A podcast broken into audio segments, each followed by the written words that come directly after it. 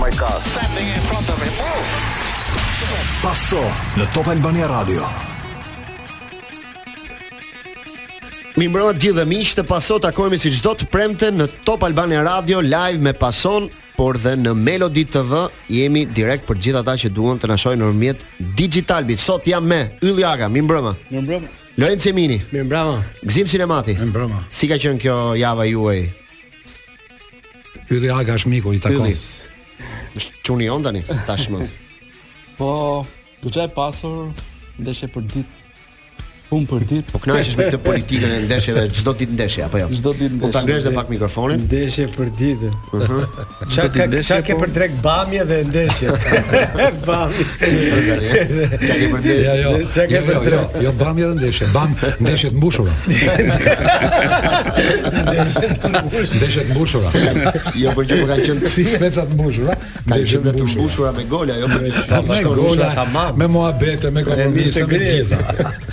Me gjitha kanë brenda. Ylli, turli është. Po dëgjoj këtë atë, vazhdo. Jo, ka qenë në uh, Edhe kurioziteti për të parë uh, skuadrat në në ndeshjet e para, për të krijuar ato profilin e tyre, emra të rinj që vijnë në vëmendjen e publikut, klubet sa, sa kanë ndryshuar. Ëh uh, dhe besoj që këto ndeshjet e para kanë krijuar Një projekcion fillestar në cilin besoj në një përqindje shumë afër 100%-shit, ë uh, Egnatia Tirana Partizani do të jenë klubet finaliste të të të këtij kampionati. Nga ajo që ti ke parë në 6 javët e para. Në 6 javët e para, ndërkohë që do ketë garë për për vendin e katërt. Pra, këtë javë u luajtën 4 ndeshje nga java e 6. Për gjithë ata që nuk kanë patur mundësi të dinë rezultatet, Erzeni Skënderbeu 1 me 2, Vllaznia Egnatia 0 me 2, Teuta Kukësi 0 me 0 dhe Laçi Dinamo 0 me 1. Pra asnjë skuadër vendase nuk ka arritur dot të fitojë këtë javë. Ndërkohë që Tirana me Partizanin, derbi që duhet të luhej këtë javë, u shty për në tetor, kështu që në kampionat tani pak a shumë kemi këtë situatë që kryesohet nga skuadra e Egnatias me 13 pikë, pastaj në vendin e dytë në renditjen e kampionatit pas këtyre 6 javë, edhe pse Ka disa skuadra që nuk i kanë plotësuar 6 javë është Tirana me me 10 pikë. Pastaj Skënderbeu në vendin e tretë, Vllaznia, Partizani me radhë, por Partizani ka dy ndeshje më pak. Tirana ka një ndeshje më pak, Teuta ka një ndeshje më pak. Kështu që po në ato statistikat e mia në 5 javët e para kishte një epërsi të skuadrave vendase, Në ndeshjet e luajtura nga njëzet e katër, ishin dymbëdhjetë fitore vendase, pesë barazime, shtatë fitore udhëtuese. Kjo java duket sikur e balancoi çik. Kjo, kjo, kjo javë me tre ndeshjet e fituara nga skuadra udhëtuese çon në 12-10. Për të po. shpjeguar diçka meqë na dëgjon dhe Manushi se s'është edhe ai i qartë për pjesën e Final Fourit se sa ndeshje janë. Janë 6 ndeshje, jo 12 që thoshte.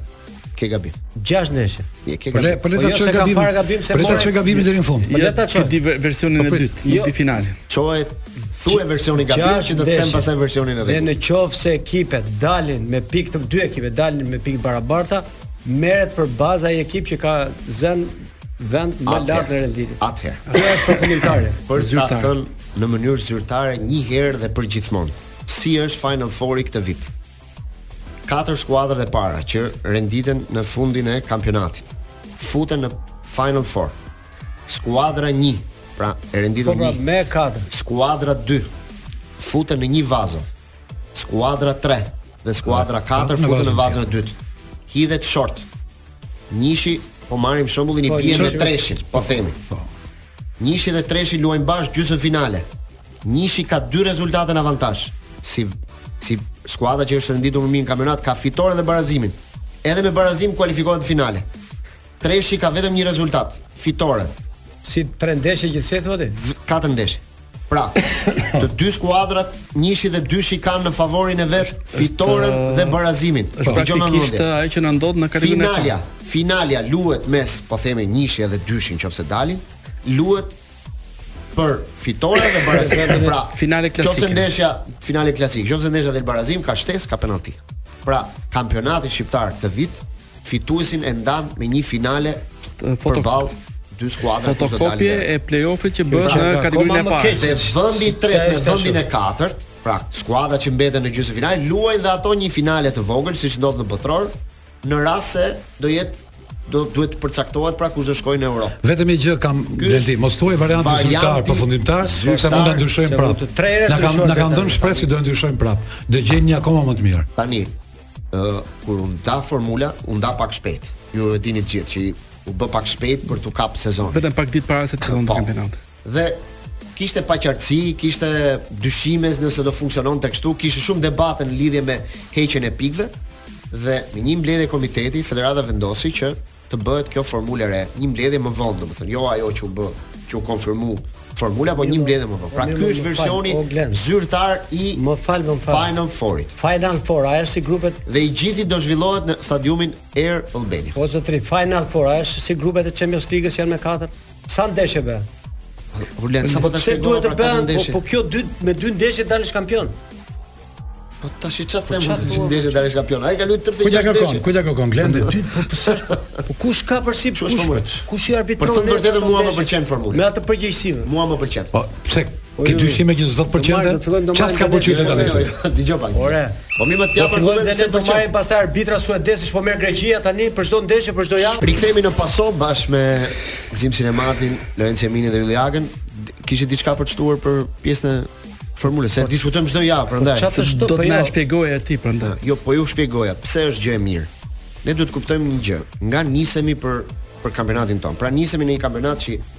ka probleme shumë të mëdha për sa i përket tifozëve në stadium. Pra praktikisht ne jemi në shifra shumë të ulëta, ne e pamë dhe raportin e UEFA-s, kishim një një shifër mesatare 1000 tifozë në çdo po ndeshje. Po si thu ti, pra, janë në këto fillim kampionati 1000 për çdo? A jemi më keq? Pra po, po këtë po them. Jo, jo, kur nxori UEFA të dhënat, tani kjo po bie poshtë. Akoma më shumë. Ore Glen, si thua ti, ti thua që po nisemi nga një sekond më ty, okay. ti apo llogarin deri në fund mm -hmm. pastaj. Pra praktikisht ne sezonin e kemi të djegur në aspektin e tifozëve. E kemi të djegur, xha. Është i djegur apo? Po e dogjëm, nuk e Pra e kemi me një tifozë. Po e dogjëm vet. Tani ça ndodh. Ne bëjmë një ndryshim. Pra japim një mhm. bukuri brenda një jave këtij kampionati. Që do të thotë, ne mund të na vinë në atë kam, në atë Final Four. Po. Bileta më shumë, pa diskutim. Apo jo. E imagjinon ti dot nëse Ti mos e imagjinoj dot fare sepse deri kur të mbarojë kampionati, tifozët do jenë ftohur fare me kampionatin. Po nuk ftohen më, jo pse do ftohen? Fare më fare, do i shikosh. Sepse tani që fiton çdo njeri, çdo ekip fiton. E imagjinon ti dot. Brandas... Ylli tha, Egnatia, Tirana, Partizani tha, i shof ndër tre skuadra favorite për të qenë në Final Four. E imagjinon ti dot sikur mm -hmm. Tirana dhe Partizani të luajnë bashkë një gjysmëfinale e kampionatit ose një finale e kampionatit. Po, e imagjinoj. Që të ndahet po, një titull kampion po, mes Tiranës dhe Partizanit. Kjo çfarë do të thonë kjo gjithë vitin për këtë luajmë na? Po po patjetër. Po çfarë është kjo më Po për një ndeshje është katastrofë. Kjo është katastrofë. Po, Kemi luajtur gjithë jetën për shumë ndeshje tani. Gjithë vitin sezonin, domethënë ky ky futboll do të shpall falimentin. Në qofë se mbahet për të lujtë final 4, Ky të mos bëhet më. Ti erdhin kështu me llotari më. Van Basten thotë për na në Hollandë që mos bëhet më futbolli profesionist prej dhunës, ndërsa ne në aspektin ekonomik ne jemi te zero fare. Ekipet janë me borxhe. Them që këta do fitojnë Këta janë fare si çfarë do fitojnë. Do fitojnë. Mos na dil prapë ke muhabet i biletave, se nga këtu ku jemi ke Çekia me biletat, shitëm dhe ndeshjet e edhe biletat e Bullgarisë dhe shtymë ndeshjet e derbit në 16 tetor duke se kanë lënë për ditën e xhaxhit e kanë lënë se 19 19 19 pastaj kanë shtyrë prapë. Do ketë datën edhe njëri se tetor janë bërë gjithë udhëheqësit ju. Data 17. 16 tash e zon, 17 tash e zon, 18 deri në 20 tetor kanë udhëheqësit. Kombëtarja prapë. Edhe udhëheqësi ju i futbollit në tetor e ka ju, po ta dish. O Glen. Edhe do i bëja një pyetje Yllit, se Ylli është avokati më i mirë i një futbolli të keq. Do i bëja një pyetje Yllit, Yllit ka ka ka për ditë futboll. Po kjo Premier Liga që më aq i ka gjunjë, ka këllqet më të forta në botë. Çfarë se bën për ditë? Çfarë s'na kopjon ne? Po francezi, po gjermani, po italiani. Çfarë s'na kopjojnë ne për ditë futboll më dha dhe më çifët futbollin nga njerëzit. Tani e para ka për ditë futboll e kisha edhe kuptimin që kishim Po unë të kuptoj po çka ka për ditë. Prap uh, europiane kishim Po prap ndeshjet që do jo jo po them për kampionatin, do jenë të martë, mërkurë, të enjte. Jo, për mua nuk duket e shtuna dhe e diela. Ka logjikë edhe duke qenë se jam marrë prej vitesh me punë, është larg çfarëdo lloj standardi që të luhet për ditë kampionat, sepse edhe skuadrat kanë atë ciklin e tyre stërvitor, edhe tifozat kanë ato ditët në të cilat janë më të angazhuar për të shkuar në stadium, kështu që kjo ndarja e hënë e martë e mërkurë e enjte çdo ditë ka problematika që nuk nuk i shërben po, kampionatit si si brand. Ajo që po thoshte Glendi, natyrisht po të vendosim në peshore elementët pozitiv dhe elementët negativ të formulës së re, mund të rreshtojmë sa duam, por unë nuk besoj që e barazojnë atë dëshirën e të gjithëve për të parë një një kampionat sa më fair. Kampionati ka logjikën e maratonës. Po pra, dakor. Gjithë skuadrat janë stërviten, bëjnë uh, merkato, investojnë pafund që në fund të dalë një skuadër fituese. Ajo është logjikë kupe, që ti me me një ndeshje dy ndeshje mund të ta ta fitosh si si kompeticion. Po, a shkon që... moralisht kjo fraza që thatë juve, kampionati të bëhet sa më fair? Fair, e thua me dy rë apo me një rë, më shpjego tamam. Se deri vjet, deri vjet, Deri vjet është bë me dy rrathë, ferr. Deri vjet. Nga do të dalë ky kampionat i ndershëm sivjet kur neve gjithë kohën e kuptojmë rrugës se ça ndodh me kampionin. Ti e pe vet, ti si adhurues i Tiranës që e kuptove vetë se si, ça, ça kurthesh ngritën Tiranës për ta shmangur nga titulli kampion. Tani ku bazohesh? Nga formula lind lind ndershmëria? Nuk lind nga formula ndershmëria. Ndershmëria lind nga njerëzit. Dhe këta njerëz e kanë në kokë që kështu do ta bëjnë futbollin dhe do ta keqpërdorin futbollin. Po, po dhe diçka tjetër, më vjen se ti e the dhe parë, u ndryshua dhe formula. Po ndryshohen ditët. U ndryshua formati, jepet A e shikon, jo që mirë që ti s'ka stad, në stadium tifoz, po s'e shikon dot as në televizor më. Ore unë që jam ndjekës i rregullt i ndeshjeve, E kupton që mund të kem parë vetëm 30 për qind të ndeshjeve. Më, jo s'i shikoj dot. Kjo është alibi tani. Po si alibi mo, ku të lë puna në orën 3. Në orën 1, ku ti vetë? Lorenc përtej të gjitha dëshirave dhe interesave tona edhe personale. Ti ke parë gjitha ti? Unë kam parë aq sa kam patur mundësi sepse edhe për shkak të të, të impenjimeve, por është nga kampionatet e pakët që jepet free në në në në Europë. Kjo është një tjetër temë se po iu futëm pastaj nuk mbarojmë as deri nesër. Mos mos hyjmë në këtë debat sepse po çështja është që ne duhet t'i japim kohë këtij ndryshimi. Ta shohim se si do na dali në fund të vitit. Unë them që klubet do fitojnë pak para më shumë në krahasim me biletat që do shiten për Final Four-in. Fatmirësisht ato biletat, ato fitime që do kenë nga ajo fazë do t'i ndajnë të gjitha të gjitha klubet. domethënë do ndahen dhe për klubet do kenë Blendi 5 lekë më shumë. Kjo është një një, një, një argument kundra. Domethënë po shikoja bilancin e Tiranës dhe në edicionin e kaluar kishte gati 400 milion lekë të ardhura nga biletat. 400 milion lekë janë gati gjithë kampionatin. Gjithë gjithë sezonin. Gjithë sezonin. Dhe po. është gati 30% e buxhetit të klubit që është një shifër e konsiderueshme për atë nivelin tonë. Shto këtu të ardhurat nga pjesëmarrja në në Kupat e Evropës, edhe nga një ndonjë shitje që pati për lojtarët, edhe shkojnë klubet plus. Tani 400 milionë lekë në arkën e një sezoni për biletat, ti do të marrësh në dy ndeshje që do bësh, sa do të marrë një klub? Do shtojë 100 e ca më shumë? Po jo, as s'ka për të shtuar. Jo, po jep ca detaje më të hollësishme, që të bëhet i bindshëm, bëhet i besueshëm ky 400 milionëshi. Sa derbi bëri Tirana? Dy derbi.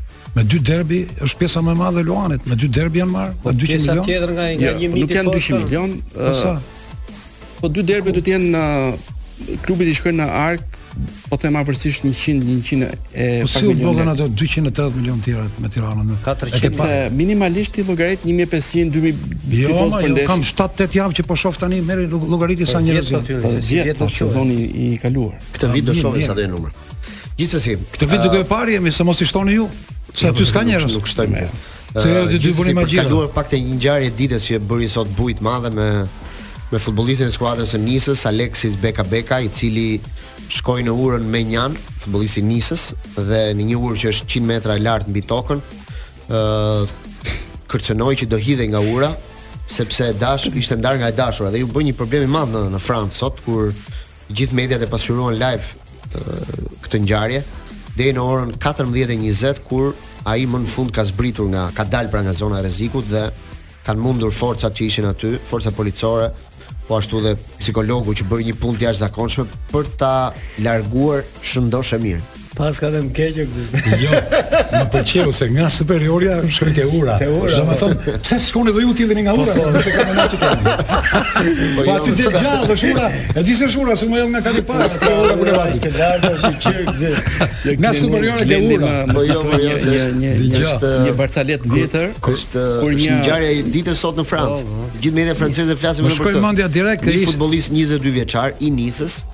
i ardhur vitin e kaluar nga kampionati rus. Jo, janë mbledh gjëra shumë. Alexis Beka Beka. Ka luajtur, kishte luajtur shumë pak ndeshje, edhe vjet kishte pak shumë aktivizim pak.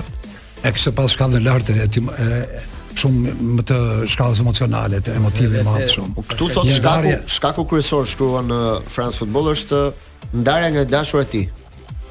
Ai po, për këtë arsye ka dashur, po. ka dashur t'i japë fund jetës sot. Dhe thot që raportohet që rol të rëndësishëm luajti psikologu i cili foli për rreth 45 minuta me të shumë afër, pastaj ai vendosi që të të zbresë nga zona e rrezikut, siç quhet ajo. Dhe aty pastaj kanë ndërhyrë forcat e forcat zjarrfikëse, të cilat e kanë marrë dhe e kanë shoqëruar në në një ambient tjetër. Domethënë aty në orën 2:20 të drekës konsiderohej që futbollisti doli jashtë rrezikut për jetën.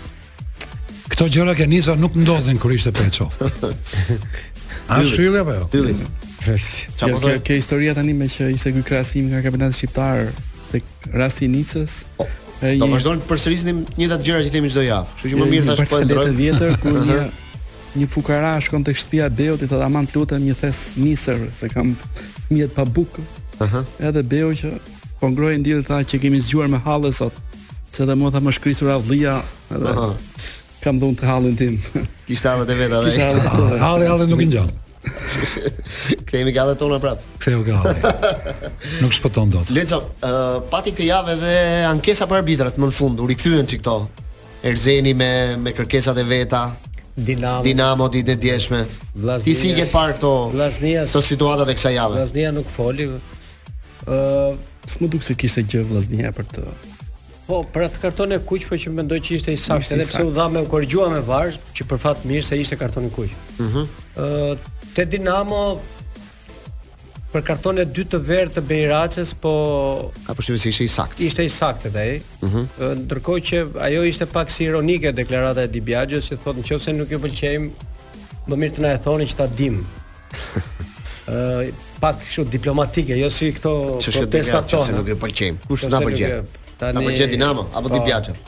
Ndërkohë që mua më bëri më shumë përshtypje deklarata e Bejzades sesa e Di Biagios, si tha në pushim i thash ekipit që ore s'po ju dalloj kush është Dinamo, është Laçi apo e kundërta. Mos gaboj sot dhe Bejzade është larguar nga nga detyra e trajnerit të Laçit. Kam oh. pak informacion që Ajo se kemi. Ka ndodhur diçka. Ishte interesante se një javë përpara ylli nuk është konfirmuar. Trajneri i Dinamos thoshte që ju sikur luani për të pësuar gole, nuk e kuptoj dot cili është sjellja juaj në fushë, qëndrimi juaj.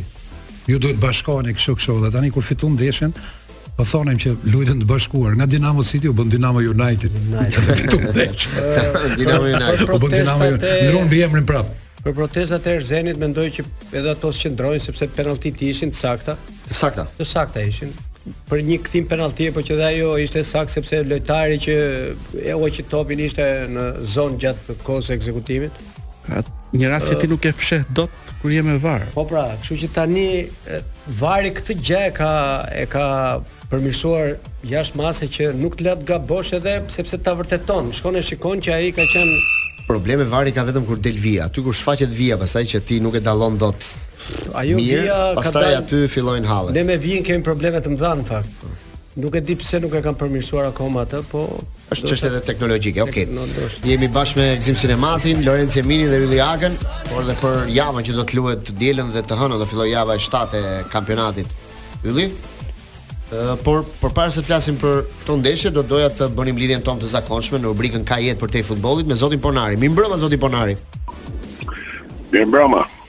Por tashmë jeni bërë dhe ju pak pjesë e futbollit apo jo?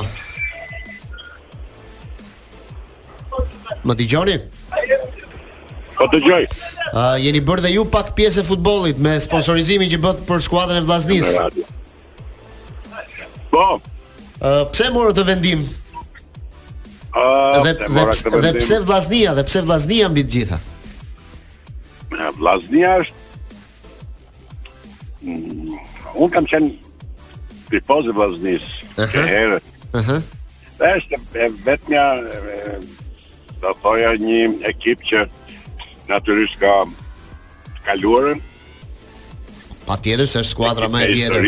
Më e vjetër në po, Shqipëri. Është ekip me histori, është me ekip që ka një natyrë ndryshe nga ekipet e tjera, natyrë më të veçantë. por është edhe një pëlqim për Shkodrën nga austriakët. Nga austriakët, po. Po Sigali tani do jetë një sponsor i fuqishëm i Vllaznisë për këtë sezon. Ne shpresojmë që që prania e Sigalit do t'i japi një shtytje, një mbështetje. Pse jo shumë? Patjetër. Se pse jo që Por rezultati varet nga ta. Në rast se ata do të ecin mirë, do kenë mbështetje në rast se ata do të ecin. Ne kënaqemi, ne kënaqemi kur ka kompani të mëdha që afrohen pranë futbollit, sepse për të thënë të vërtetën, në këto vite pak ka patur në në në pjesën e futbollit kompani të rëndësishme që futen dhe investojnë apo bëhen sponsorë të fuqishëm të skuadrës. Shpresojmë që ju ta hapni këtë rrugë dhe t'ju shoqërojnë edhe të tjerë pas jush. E kemi e kemi thënë atë duhet Duhet një ligj që është shumë i rëndësishëm ligji i sponsorit. Po me sa duket edhe edhe, edhe në këtë kuadër jemi afër një ligji të mirë. Në rast se do të ketë një ligj, natyrisht do ketë afrim i biznesit tek sporti dhe Sporti dhe biznesi janë dy uh, sinonime që rriten së bashku. Po. Tani për t'u kthyer pak tek tek këshillat e juaja, na kanë ardhur disa kërkesa këtë javë për juve. Për shembull, thotë shkruajnë njerëzit, ishte djegur thotë një stallë me lopë, breshëri na prishi mollët në Korçë, një arë me grurë u dogj. Ë, uh, disa pyje u dogjën në Fier. A mund të sigurohen këto? Ani, ne duhet të jemi koshient që në botën e qytetëruar nuk mund të mendosh që të ketë prodhime bujqësore, rale, shpia, shëndet, jetë pa siguruar. Pa.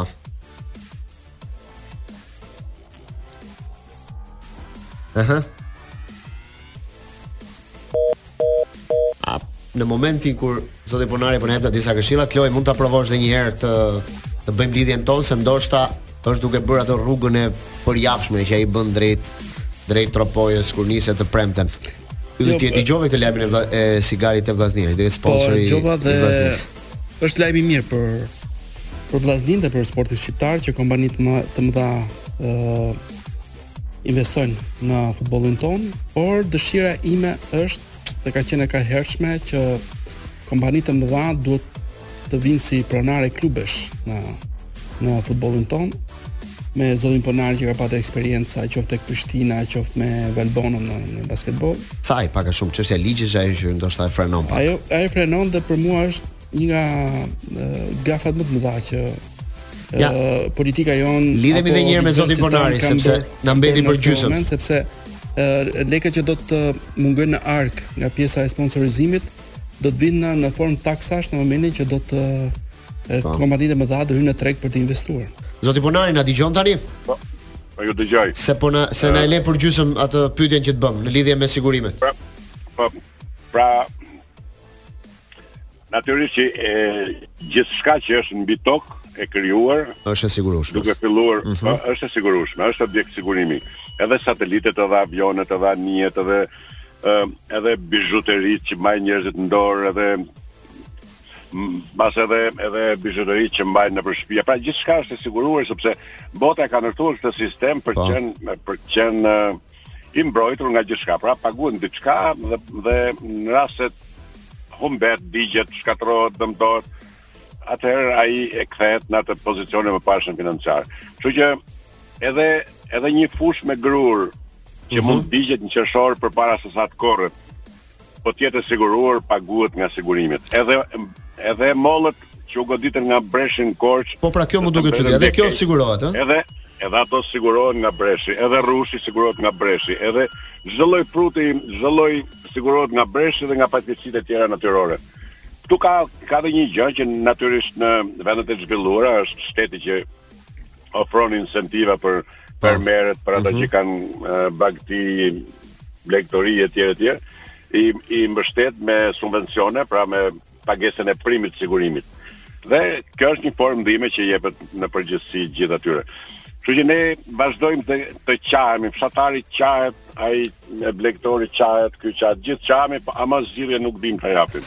Sigurimet janë ato që të krijojnë të krijojnë një mundësi shumë të madhe dhe të garantojnë atë që ke krijuar për ta pasur gjithmonë. Kështu që ë uh, edhe pyetjet që njerëzit kanë bërë janë Ë mjaft të drejta, por edhe ajo që unë ju them është çdo gjë është e sigurueshme. Çdo gjë është e sigurueshme. Okej. Dhe mundësitë në Shqipëri tashmë janë të plota sepse kompanitë që janë në Shqipëri janë kompani serioze, janë kompani europiane tashmë që garantojnë gjithçka dhe nuk është çështje fjalësh, por është vërtet një garanci për secilin për për shëndetin, për jetën, për ë bujqësinë, për arën, për rrushin, për mollët, për arrat, për gjithçka që mund të krijojë, për bletët, gjithçka është e sigurueshme. Shumë faleminderit zoti Ponari për këshillën e kësaj jave. Faleminderit. Dëgjohemi javën tjetër.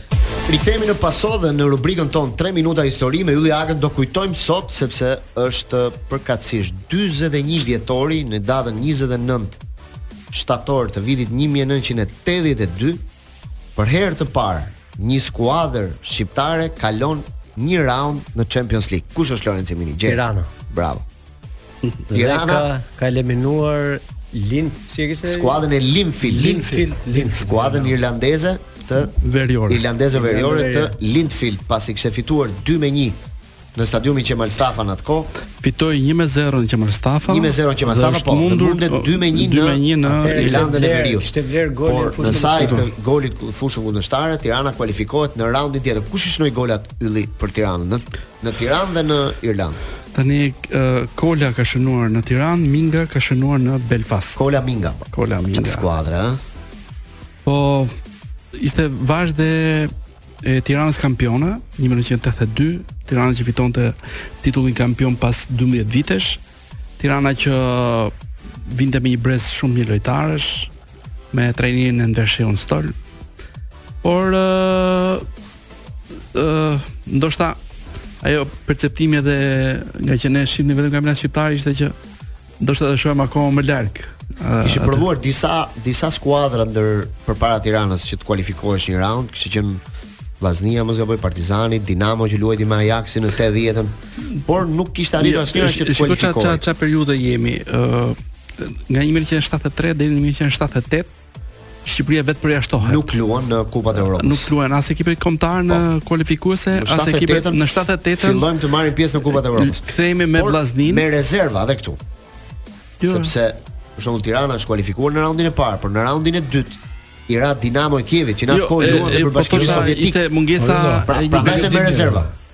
Neve një vit përpara dështuam, u mundëm, ha, morëm shumë gola dhe këta morën vendim mos po. përballemi me botën se do diskreditohemi. Po, dhe u hoqëm nga skena, nuk është se u vetë përjashtuam.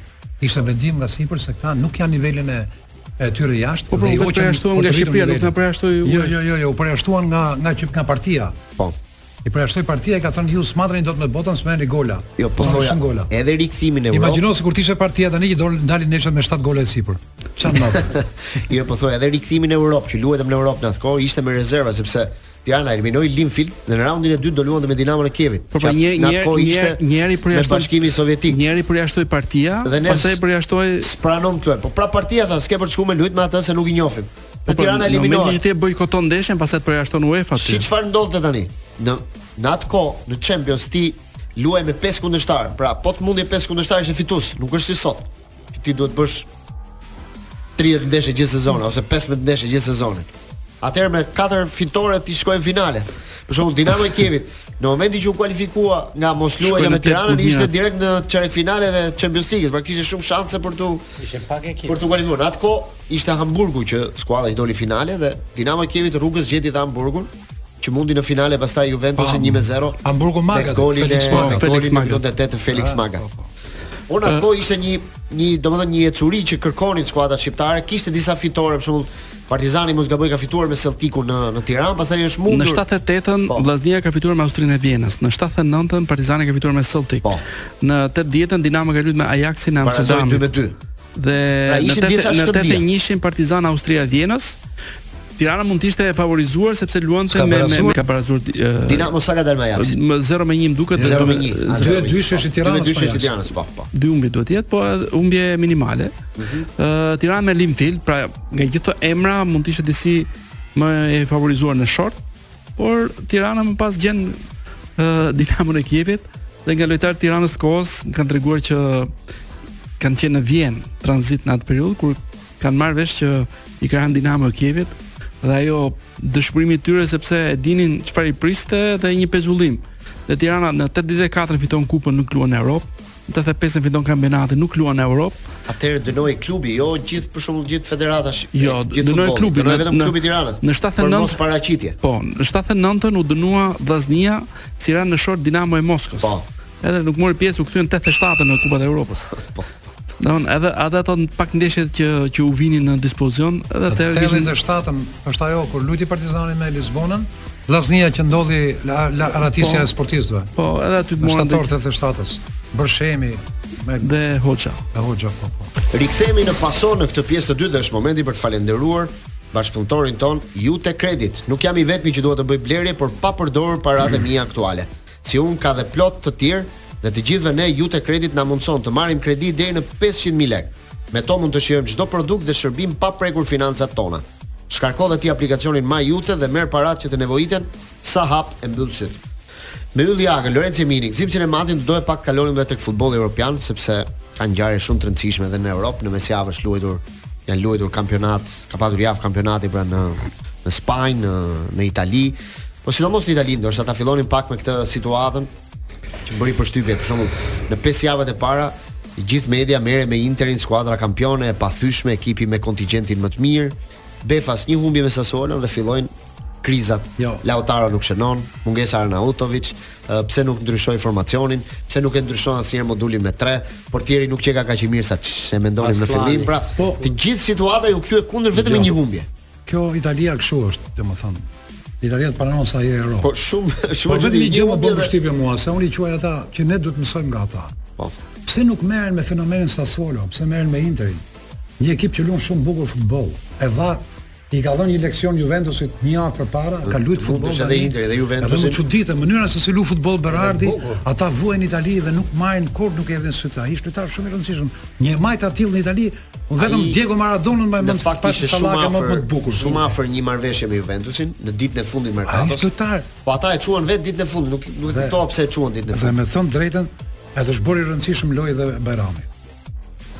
Dhe Bajrami pozicioni që ka. Pozicioni që ka, prekjet e topit që ka, vizioni që ka për lojën. Ai sa ndej ndej për, për golin nuk po flas sepse goli ishte edhe, edhe çështje gabimi i portierit. Gabimi i portierit. Por do të thoja që në Itali janë po i qajnë hallin e Interit, se Interi humbet do të më gjatë do me gjet fajtorë. Nuk shef atë ekipin që është rritur dhe është bërë Atalanta 2. Të pati, pati Kjo është Atalanta, është rritur gjithë Edhe për Sassuolo, pati një lloj vlerësimi, po mos jo, harrojmë tani. Mund të kesh një lloj vlerësimi. Vetëm një skuadër modeste. Ai ata me ata me Interin do merr. Si puna kanë nema, si puna kanë. Sa mund Ignati atë, nuk më është me Egnatian që ka 2 vjet që aq kohë sa shpejt që ka lindur, ajo po lun futboll të mirë ti merresh me me me Vllazninë, pse unë Vllaznia?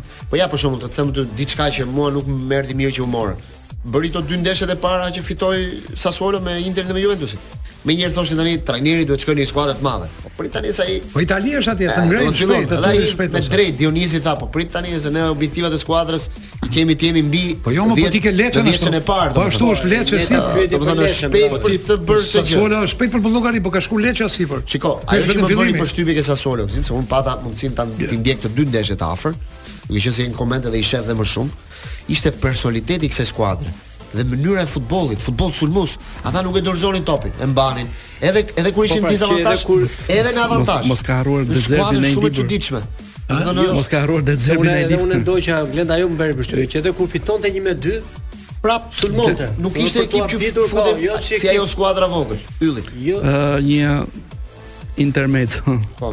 E konfirmojmë që Bejzade nuk është më trajner i Laçit. Hmm. Dhe dhuratë për ty Mirel Josa është trajneri i Laçit. Duket Mirel Josa rikthehet, ka qenë një. Po, rikthehet. Okej. Okay. Lajmi i fundit pra i erdhi Ylli Agës. Sa trajnerë ka ikë Laçit tani? Është javë dy trajnerë. Jo sa është po, edhe rekord, apo jemi në 4. 4 trajnerë në total janë ndruar apo jo? Mos gaboj. Është Pra Kukësi, Teuta, Laçi dy herë, katër. Ka po. pasur trajner tjetër jo? Jo. Katër jemi tani. 21 ka qenë vjet. 21 vjet. 21 trajnerë të ndruar. Katër java gjashtë. Po di kush është më e bukur Ylli, që kanë ikë katër trajnerë deri tani, të katërt thon, flasin shumë mirë për presidentët. President i mrekullueshëm do të heqë flakë aty dhe prapë ikën me përshtypje jo, të mira. Se kanë që të kthehen prapë. Po,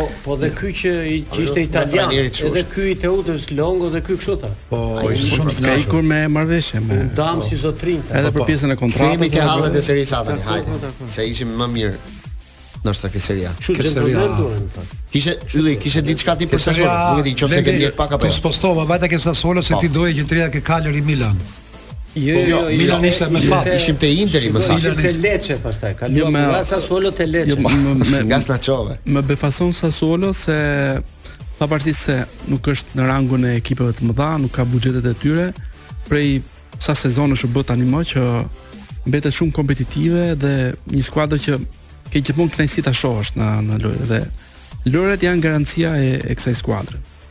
promovon emra të rinj, ë uh, bën ndeshje të mira me rezultate, promovon trajnerë, vërtet një një një një model shumë i mirë. Në në një ambient vërtet më një ambient shumë shumë vështirë siç është Italia. Domethënë unë Lecce nuk është se e kam parë me shumë vëmendje këtë periudhë, po Sassuolo vërtet më më habiti. Më habiti për mënyrën e lojës. Lecce është më sepse dhe lojtarët që u futën në pjesën e dytë për shkak të ata e zbukurojnë lojën, e bëjnë më, domethënë ti e kupton skuadrën, i di e parë. Se kishin parë në Arsenal. Po. Të dy lojtarët që kanë nga Milani dhe ai belgu që ka shkuar tek de ai De Ketelaere. De Ketelaere, te Atalanta. Ai po ndryshe. Ai më ndy të dy kanë fituar liri, të dy janë ndryshe, të dy s'janë përdorur dhe aq mirë tek ajo. Po mbrëm për shkak të ekipeve të tjera dhe kanë gol Mesias mbrëm me Genoa. Mesias bëri gol ndaj Romës. Një tjetër lojtar që ka ikur nga Milan. Edhe për Romën doja të, të flisnim pak për këtë situatën. Dje Mourinho e kanë vënë me shpatulla pas muri sepse starti që ka bërë Roma është starti më i dobët në historinë e Romës. Në 6 ndeshje vetëm një fitore. Dje Mourinho tha kur e pyetën gazetarët që ë uh, ky është starti më i dobët, tha vërtet është starti më i dobët tha po Roma ka shkuar edhe dy herë në finalen europiane këto dy vite të fundit. S'kishte shkuar asnjëherë tjetër më parë. E, ka, e, e lidh gjithmonë zhgënjimin me suksesin. Jo, si e shikoni një... situatën? Domethënë, ai problematika është sepse skuadra pothuajse është e plotësuar me ato elementë që i konsideron si më të mirët, të shihem me Dybalën në fushë, me Lukakun në fushë, me pothuajse gjithë emrat e, e rëndësishëm të kësaj skuadre, megjithatë ndeshje shumë shumë larg emrit dhe pretendimeve të të kësaj skuadre dhe seria e rezultateve negative për mua ja minimizon në maksimum ato shanse që e po e kërkon prej dy sezonesh që të paktën të jetë mes katër më të mirave. Duket shumë e vështirë për për Romën e e këtij profilit të këtyre të javëve të para. Po në të njëjtin pozicion ishte edhe Lazio, dhe Lazio po kalonte një krizë si asnjëherë tjetër këto vitet e fundit që kishte 6 ndeshje, një fitore. Arriti të fitojë me sjaf. Po arriti për fat. Mhm. Mm që fitoi 2-0, që sikur doli pak nga Po këtë situatën e Napolit, di që ti e ndjekës i Napolit i afërt me çfarë ndodhi me Osimen. Si e shpjegon? Unë e thashë edhe në emision Blendi që Përpara se të plasë kjo pas gjestin e Osimen kur e ndërroi trajneri. Dhe për këtë gjestin doja të flisja pak sepse u komentua shumë në Itali. Sepse dikush një po ia thënë gjithë në momentin në momentin që ndërroi i thoshte kush je ti Viktori thoshte Osimen thoshte. Mm -hmm. Sa kohë ke në Itali, dhe ato që ke bërë ti, di që Diego Maradona ka, nda, ka dalë vetëm një herë, tha, dhe ditën që ka dalë nuk ka bërë polemikë, nuk ka arritë bërë polemikë me trajnerin. A di kush është ai dhe kush je ti, tha.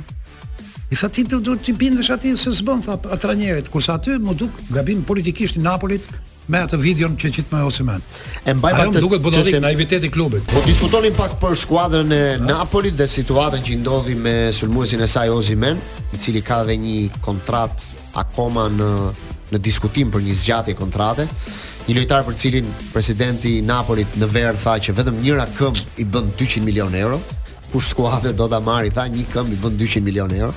Kështu që për ta marrë të plotë do duhen 400 milionë euro për këtë futbollist. Kur doli nga ndeshja e parafundit, ai bëri një gest që i tha trajnerit tha luaj me dy sulmues dhe ngriti edhe dorën dhe u pa dhe në ekran. Po situata kaloi pak e butë sepse një ditë më vonë Napoli në rrjetin e saj social në Twitter nxori një video ku siç janë videot e e TikTokut, më fal, jo në Twitter, siç janë videot e TikTokut ku e vinte pak në lojë për penalltinë e humbur të Osimenit, gjë që nuk u prit mirë nga lojtari, pati dhe reagim nga agjenti i tij dhe u krijua një situatë sikur Napoli nuk e do.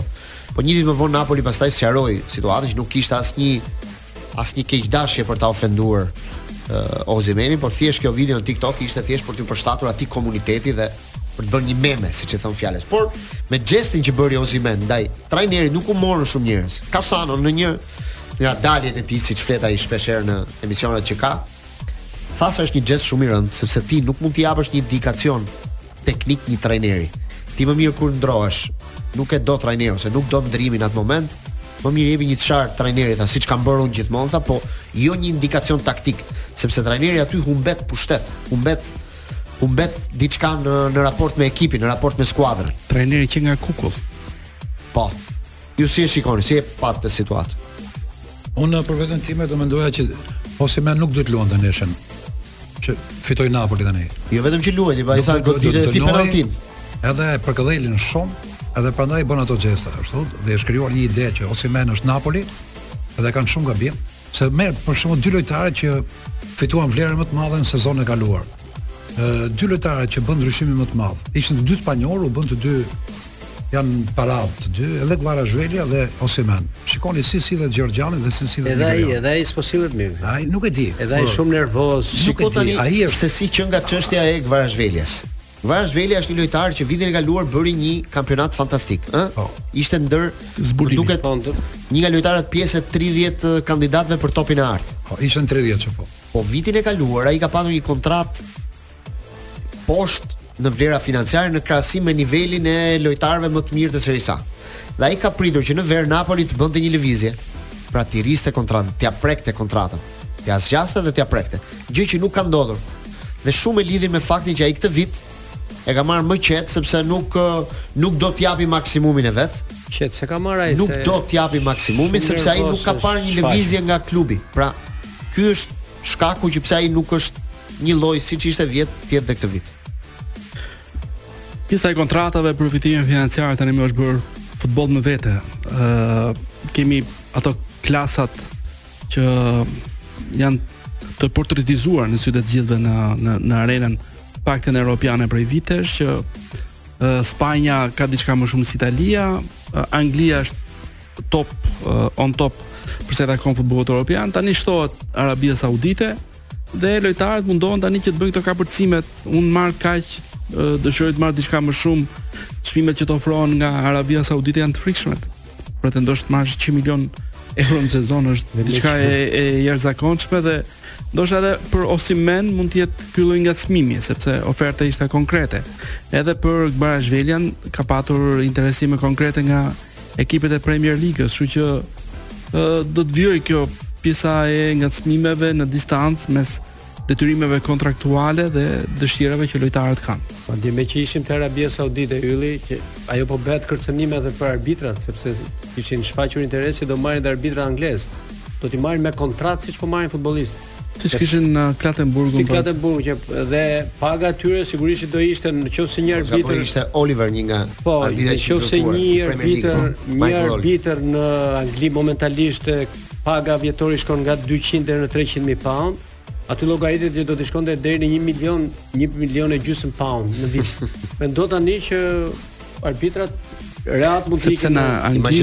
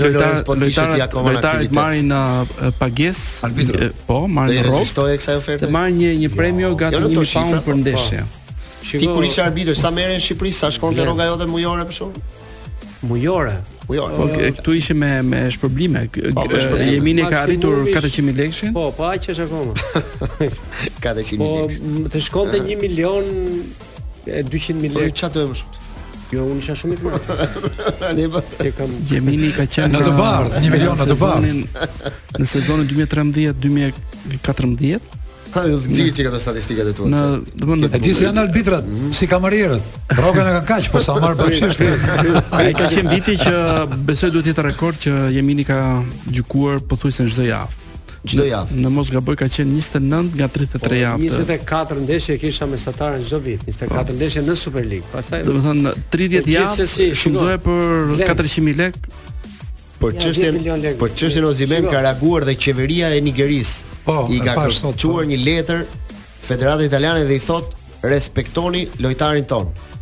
Qeveria e Nigerisë. I paska zgjidhur hallet të gjitha qeveria po, pra. ose me. Shiko, Glen. Është bukur që. Po, po. Se një diçka s'e kam kuptuar Edhe vazhdoj të mos ta kuptoj, për shembull akoma që arbitrat nuk nuk lëvizin si lojtarët, që nuk e kuptoj edhe këtë. Pse mos lëvizin edhe arbitrat si lojtarët? Që të ikësh nga kampionati po, anglez, te kampionati tjetër, nga. Patjetër.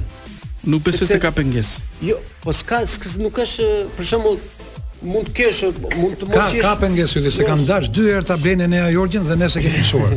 Që jo, e shikoj se Gëzimi bën humor. Tani nëse një arbitër ka probleme, për shembull një lojtar ka probleme në një klub, shumë mirë shkon në një klub tjetër në një shtet tjetër e me radhë. Një arbitër ka probleme në një shtet, që mund të kesh, mos ka asnjë problem. Mos vallë, uh, arbitri është gjëja më e thjeshtë që ata mund ta gjejnë.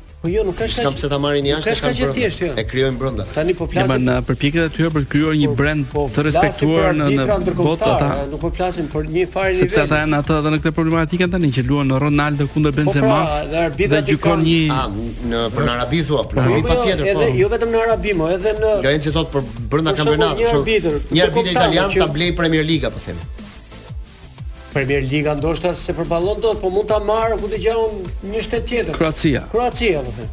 Po nuk mundet që një arbitër të ketë një përplasje me X institucion dhe ai aty mbaron. Pse mbaron, se po po përplaset. Se nuk është vetëm këtu, më fal Gëzim, është gjithandej. Po ja, më gjithandej nuk do. Jo, jo, jo. Shikon në Greqi, shikon në në Norvegji, arbitrat janë shtuar shumë këto pjesa po, e arbitrave që vijnë nga dhe nuk ke ku shkon, nuk ti nuk Ti nuk përballesh dot më si një profesionist, je 40 vjeç, je arbitër ndërkombëtar, ti ke një përplasje me institucionin, që s'ka asnjë problem. Ty të ndërpritet karriera. Pse duhet të kesh ti përplasje me institucionin? Ti s'duhet të kesh marrëdhënie fare me institucionin. Po, ajo është tjetër histori. Ti ke institucionin tënd. Po, po, po. Shoqatën e arbitrave, çka quhet Federata Arbitra. Po, po. Po se s'ka as liga as shoqatë. Këtu s'ka asgjë dhe ti përplasesh me murin. Që jo, Glen, këtu është po. vetëm muri përballë, që s'ka, domethënë, Dhe ti për përplasesh me murin. E kupton? Po pra si Barcelona me Dëgjo. Këtë javë kishte folur ky shefi i ligës spanjolle, Tebas. Po. Për rastin e këtij presidentit spanjoll për puthjen e famshme. Po. Se nga puthja e famshme përfitoi dhe Shqipëria, besoj se e dini, ëh. Po, po, Por po, pra po, thuaj të gjithë përfitojnë. Të gjithë thonin nëpër filma puthja franceze ishte puthja që lëvizte gjuha. Nuk mendoj që tani është puthja spanjolle që të lëshon fronin. Edhe Froni ishte i vonuar. I vonuar ishte biles, po, po, janë po. shumë njerëz janë habitur. Një miku im tha që kur e mora vesh tha që ishte zëvendëspresident ky joni tha, desha ta dija pse ke 15 kaçi. Pse ke 15 kaçi thash ka ai mbrapa, është më i lart. Andaj dhe i dhe thash je dhe i siguruar. Mm. Se janë dhe kompanitë e Manushit që të sigurojnë. Se po shkojmë drejt publicitetit. Dgjoj, dhe Tebja thoshte një gjë shumë interesante. Unë e mhm. dija tha që ky presidenti jonë do ta pësonte nga një nga ato gabimet që bën shpesh herë tha.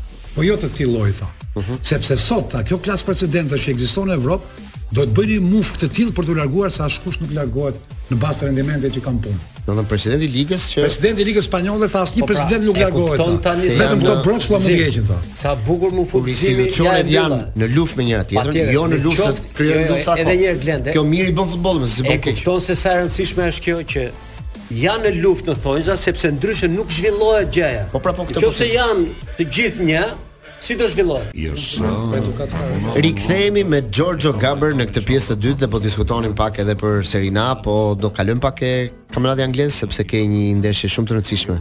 Këtë javë që luhet mes Liverpoolit dhe Tottenhamit, dy prej skuadrave që ndjekin ë uh, Manchester City në krye, po Ylli Gëzimi do të dijë diçka për Arsenalin. Saka ja, sa kohë do qëndrojë pa luajtur, se është i dëmtuar, duket apo jo? Saka? Mm. Di që është i dëmtuar apo jo? jo? Nuk e di. Apo është dëmtim i lehtë. Vetëm do t'i thoja Yllit që meqë Ylli është anglezi, midis nesh, do i thoja që Arsenali nuk është më si vit më parë. Po pse nuk është si vitin më parë? Po nuk mbahet dot ajo. Kam përshtypjen që me brez lojtarësh pa përvojë, kështu nuk mbahet dot ai rendiment. Se e shikoj tani thënë edhe me ekipet e vogla, po ndjen vështirësinë. Për shembull nuk flas për ndeshjen e fundit, Tottenhami është Martinelli pa problem. Martinelli ka pas probleme që nuk po luan. Martinelli është duket i dëmtuar. Edhe edhe ndeshjen e fundit e pash, Tottenhami është bërë ekip i vështirë, Është i mbrojtur shumë mirë, nuk krijon dot shumë raste. Për fat keq gaboi Jorginho, Jorginho ishte, ha, mes po, fushe. Goli i dytë. Që u bë goli i dytë. Por do t'i thoja Yllit meqë e pyete për Tottenham e Liverpoolin, kam një përshtypje ti Ylli që ke Tottenham mbas ikjes Kenit. Ka fituar një lloj lirie ekipi? Ë uh, Tottenham po bën startin më të mirë të kampionatit Prej vitesh, ë uh, katër fitore dy barazime në gjashtë javët e para ishte fillimi më i mirë i kësaj skuadre. ë uh, sigurisht që kishte varësi nga Kane, kontributi i tij ishte i padiskutueshëm, por më duket që skuadra tani është më harmonike dhe në aspektin mbrojtës ka krijuar një një një siguri të të frikshme. Ë uh, një skuadër që krijon epërsi në zotrimin e topit, ka parë uh, ka vlerësim maksimal për portierin italian, Guglielmo Vicario dhe Pedro Porro në krahun e djathtë. Më duket goxha e stabilizuar si si formacion dhe të gjithë meritën po po ia adresojnë trajnerit Ange Postecoglou, i lindur në Greqi, i emigruar në moshë të vogël në Australi, një trajner që ka bërë mirë kudo që ka qenë, në Australi nuk diskutohet me kombëtaren, në Japoni kishte patur eksperiencë me Celtic së fundmi dhe tani në me me, me Tottenham. Fjalë shumë të mira, një skuadër që ka një mënyrë të lojën të sajën goxha në të të harmonizuar mes lojtarëve, shumë kimi, asnjë çështje sepse kur ishte Mourinho, kur ishte Conte, këto emra të mëdhenj, kishte çdo javë nga një histori përtej futbollit, kurse me me me këtë një ambient shumë shumë i mirë. Dhe nëse fillimi është i mirë, bëjë kjo li, sa ka të bëjë kjo që nuk është trajner që merr që vjedh skenën, siç janë mësuar Conte dhe Mourinho, gjithë përqendrimi shkon në fushë, shkon aty ku duhet të jetë. Edhe kur janë edhe kur janë bërë edhe kur janë bërë Edhe kur janë bërë lavde fjalë të mira, gjithmonë i ka pasuar. Jo është meritë e skuadrës. Po dhe qëndrimi, po ta shikosh gjatë 90 minutave të Tottenhamit është një babaxhan. Më kujton Del Bosque në Spanjë, që rrinte kështu 90 minuta edhe po, me edhe gjuhën e trupit të përkthej. Edhe edhe një tip Ancelotti, një po, bonaçon po. në në natyrë. Tani Anglia ka një rivalitet të, të frikshëm. Këtë vit duket se po rikthehet rivaliteti Klopp Guardiola më duket. Ë me me shumë me kuriozitet po po presim të dimë tani. Do jetë prova e madhe kjo e e kësaj jave, Tottenham Liverpool. Ndërkohë që Manchester City gjithmonë atë fillimin e sezonit ka patur në një në një trajektore të ulët, ë ka patur edhe me lojëra edhe me pikë. Ndërkohë që aktualisht po është duke është duke bërë ë ndeshjet nuk i ka të mira, po pikët po i merr të gjitha. Kishte nga 2016-17, që ishte hera e fundit që bënte 6 po, ndeshje gjithë. Është skuadra e vetme në Europë që ka pikë të plota. Për momentin po se janë ndaluar ndonjë. Interi u ndal, Parisi jo. Jo, kjo do të jetë. Bayern ndoshta edhe Bayern ka një ndalesë. Bërë me Leverkusen, po, me Leverkusen që E vetmja skuadër nga këto kampionatet e rëndësishme të Evropës është Manchester City që i ka pikë të plota. Ndërkohë Ylli, për Arsenalin po thoja që Saka dhe Rice nuk janë stërvitur fare gjithë javës, që nga ndeshja me Tottenhamin. Prandaj këtë javë mendohet që mos të jenë në formacion. Mm -hmm. Ky të paktën është një. Edhe më duket se ka Middlesbrough në fushën e Middlesbrough. Jo, Middlesbrough është uh, Championship. Luan me Bournemouth. Uh, Bournemouth. Bournemouth. Arsenali luan me Bournemouth jashtë. Po, është nga skuadrat Nga ato më të kuotuarat për të rënë nga nga Premier Liga, besoj që Arsenal ka alternativa për të zëvendësuar edhe rikthimi i Gabriel Jesus është një plus në në në këtë moment. Po një lojtar për shkak që po bën pastaj do të jetë pa, pauza e ekipeve kombëtare që shtypje pozitive. Ylli është mesfushori i Liverpoolit Szoboszlai, që thonë që është një Steve Gerrard i ri. Si ka mundësi që u ambientua kaq shpejt ky ky futbollist? Edhe në një rol që ai në përgjithësi ku ka luajtur në Gjermani, ka qenë më i avancuar, domethënë luante ai 10-a mbrapa sulmuesit kryesor. Ktu tani është ka kaluar në një rol mesfushori, domethënë tamam tipik Gerrard. Lojtar që ka goditje të mirë, janë janë disa lojtarë që vijnë nga Bundesliga dhe ë uh, kanë patur një impakt pozitiv në në Premier League, kanë patur një përshtatje të shpejtë, Plus që ky lojtar më duket sikur ka lindur apo ka qenë i projektuar për për për këtë nivel për Liverpool. Kishte edhe histori personale që qysh në fillim ishte fan i Steven Gerrard. Ëh. Uh -huh. Po është lojtar shumë i bukur në fushë. Është vërtet uh, hungarez. Një nga një, një nga ato lojtarë që Liverpoolit i ka munguar në në 2-3 sezonet e fundit në mënyrë të padiskutueshme. Nga momenti që fitoi titullin apo dhe Champions League-ën, një lojtar i tillë uh, Liverpool e, e mungesën e tij e ka vuajtur. Po bën ndeshje të mira, bëri një gol shumë të mirë në në, në mesjavë. Dhe me me disa alternativa sepse edhe Liverpooli ka patur disa probleme për çështje mungesash. Për të kujtuar disa ndeshje nga Besoj që do të jetë uh, një ndihmë shumë e madhe për Liverpoolin që të paktën të jetë një rival siç jemi mësuar me Manchester City. Për të kujtuar disa ndeshje nga fundjava në në Angli, pra Arsenali do luajë në fushën e Bournemouthit të shtunën, pastaj do të jetë Manchester United, Crystal Palace, Wolverhampton, Manchester City, Tottenham, Liverpool. Kto janë pak a shumë ndeshje. Fillon me Aston Villa Brighton. Më të rëndësishme edhe Aston Villa Brighton. Sepse janë dy klube që realisht kanë bërë mirë, edhe Aston Villa Unai Emery veçanërisht Brighton i De Zerbit, emri i cilit së fundi është përmendur edhe tek Është një nga dy alternativat për të marrë drejtimin e Real Madridit. Po mua më duket ai është i projektuar për të qenë Alonso. Pasues i Guardiola. Kishte një kuriozitet shumë bukur Glendi, mund ta tregosh atë kuriozitetin që krijon sa aksione sulmuese bën ai. Leao bënte 3 aksione në 45 minuta. Për çdo 15 minuta një aksion, ndërsa Mitoma i Brightonit bënte 20 aksione në një ndeshje. Në 10 aksione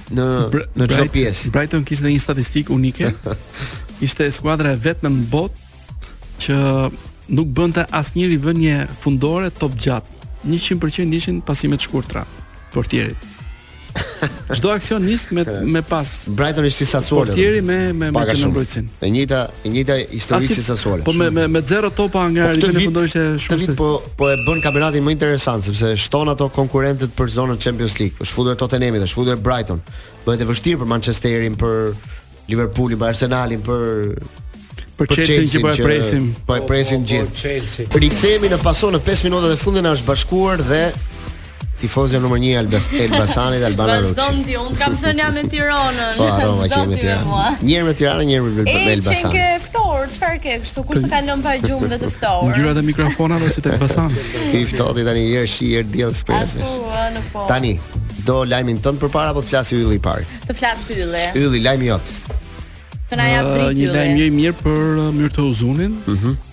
uh, doli dëmtuar në ndeshjen e mesjavës. Në ndeshjen e djeshme? Dhe nga njoftimi i klubit besoj se do të paktën një muaj. Të paktën një muaj do të thotë që e humb ndeshjen me Çekinë. Me Çekinë. Pra, Uzuni 1 dhe me shumë mundësi Cikalleshi 2 janë dy lojtarë të sulmit që do të na mungojnë në ndeshjen me Çekinë. Çekinë. prishin goxha në strukturën e ekipit, në alternativat. Ti bëhesh skeptik Ylli tani. Po t'i mendosh janë dy lojtarë që janë pjesë e formacionit, do thotë po, që prishin plan. Ka ka nisur çdo ndeshje si po. titullar, pavarësisht se nuk ka shënuar, ka Megjithatë kam një përshtypje që Po kjo Ylli që kemi kemi lojtarë. Kemi çmimin biletave? Ulet çmimi i biletave kur Po më bësh muset? Po tani është bërë, është bërë një ndeshje më vete pjesa e biletave. Lajmi i dytë nga Spanja, Sevilla sot ka bërë të ditur se nuk ka marrë pjesë në drekën zyrtare me Barcelonën dhe asnjë drejtues i klubit nuk do jetë në tribunën zyrtare në ndeshjen kundër Barcelonës do luajë pas pak në orën 9. Ndeshja e javës sepse ngjarja e pagesave të ish drejtuesit të arbitrave. Negrera ka marrë përmasa të tjera, ka shkuar policia ka marrë disa dokumente në shoqatën e arbitrave, dokumenta për të parë se çfarë ka ndodhur dhe për të nisur një tjetër hetim. Që në nivelin më të lartë. Përderisa çështjen e hetimit do të marrë një vendim ka bërë një njoftim zyrtar, që nuk do jenë sot në tribunë. Kjo është ngacmim i para ndeshjes. Çështja që pyesin të gjithë është si ka mundësi Barcelona ka paguar para nga viti 2001 deri në 2018 kur ai ka qenë në detyrë, ditën që ai nuk ka qenë më zëvendës president i shoqatës së arbitrave, ata nuk kanë paguar më. Në krahun tjetër Barcelona thotë, ne çdo pagesë që kemi bërë e kemi me faturë. Pra do thotë, jemi transparent për pagesat që kemi bërë, për shërbimet që kemi marrë nga ky person.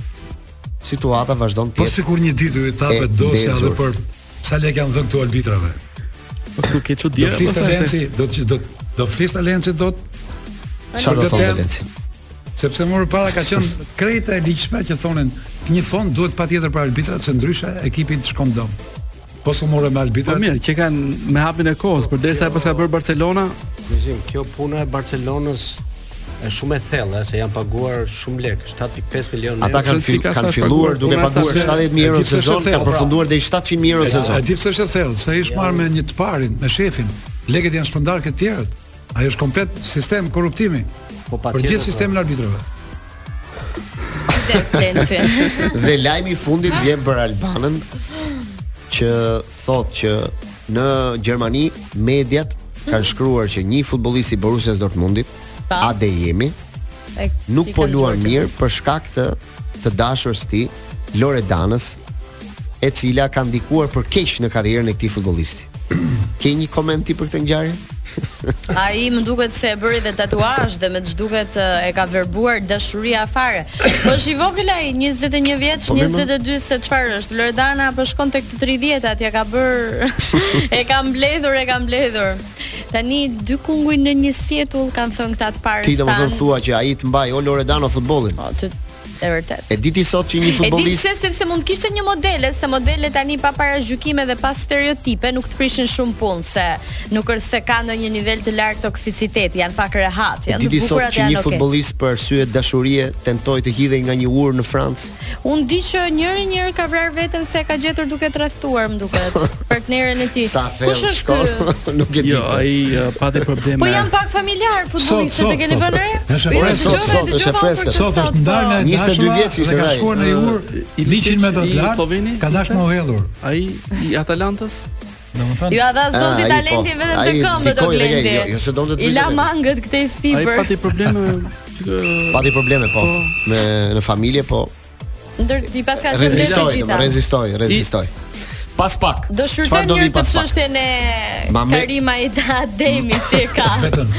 Ademi. Ademi, po, vazhdo. Pas pak, lamë që do flasim për të rejat më të fundit internacionale. M'u merr pak me çështjen e Loredanës, ma ndiq nga afër këtë javë. Po do ta ndjek kështu pikë për pikë. Bash ndahemi këtu ne për sot, takohemi të premten tjetër.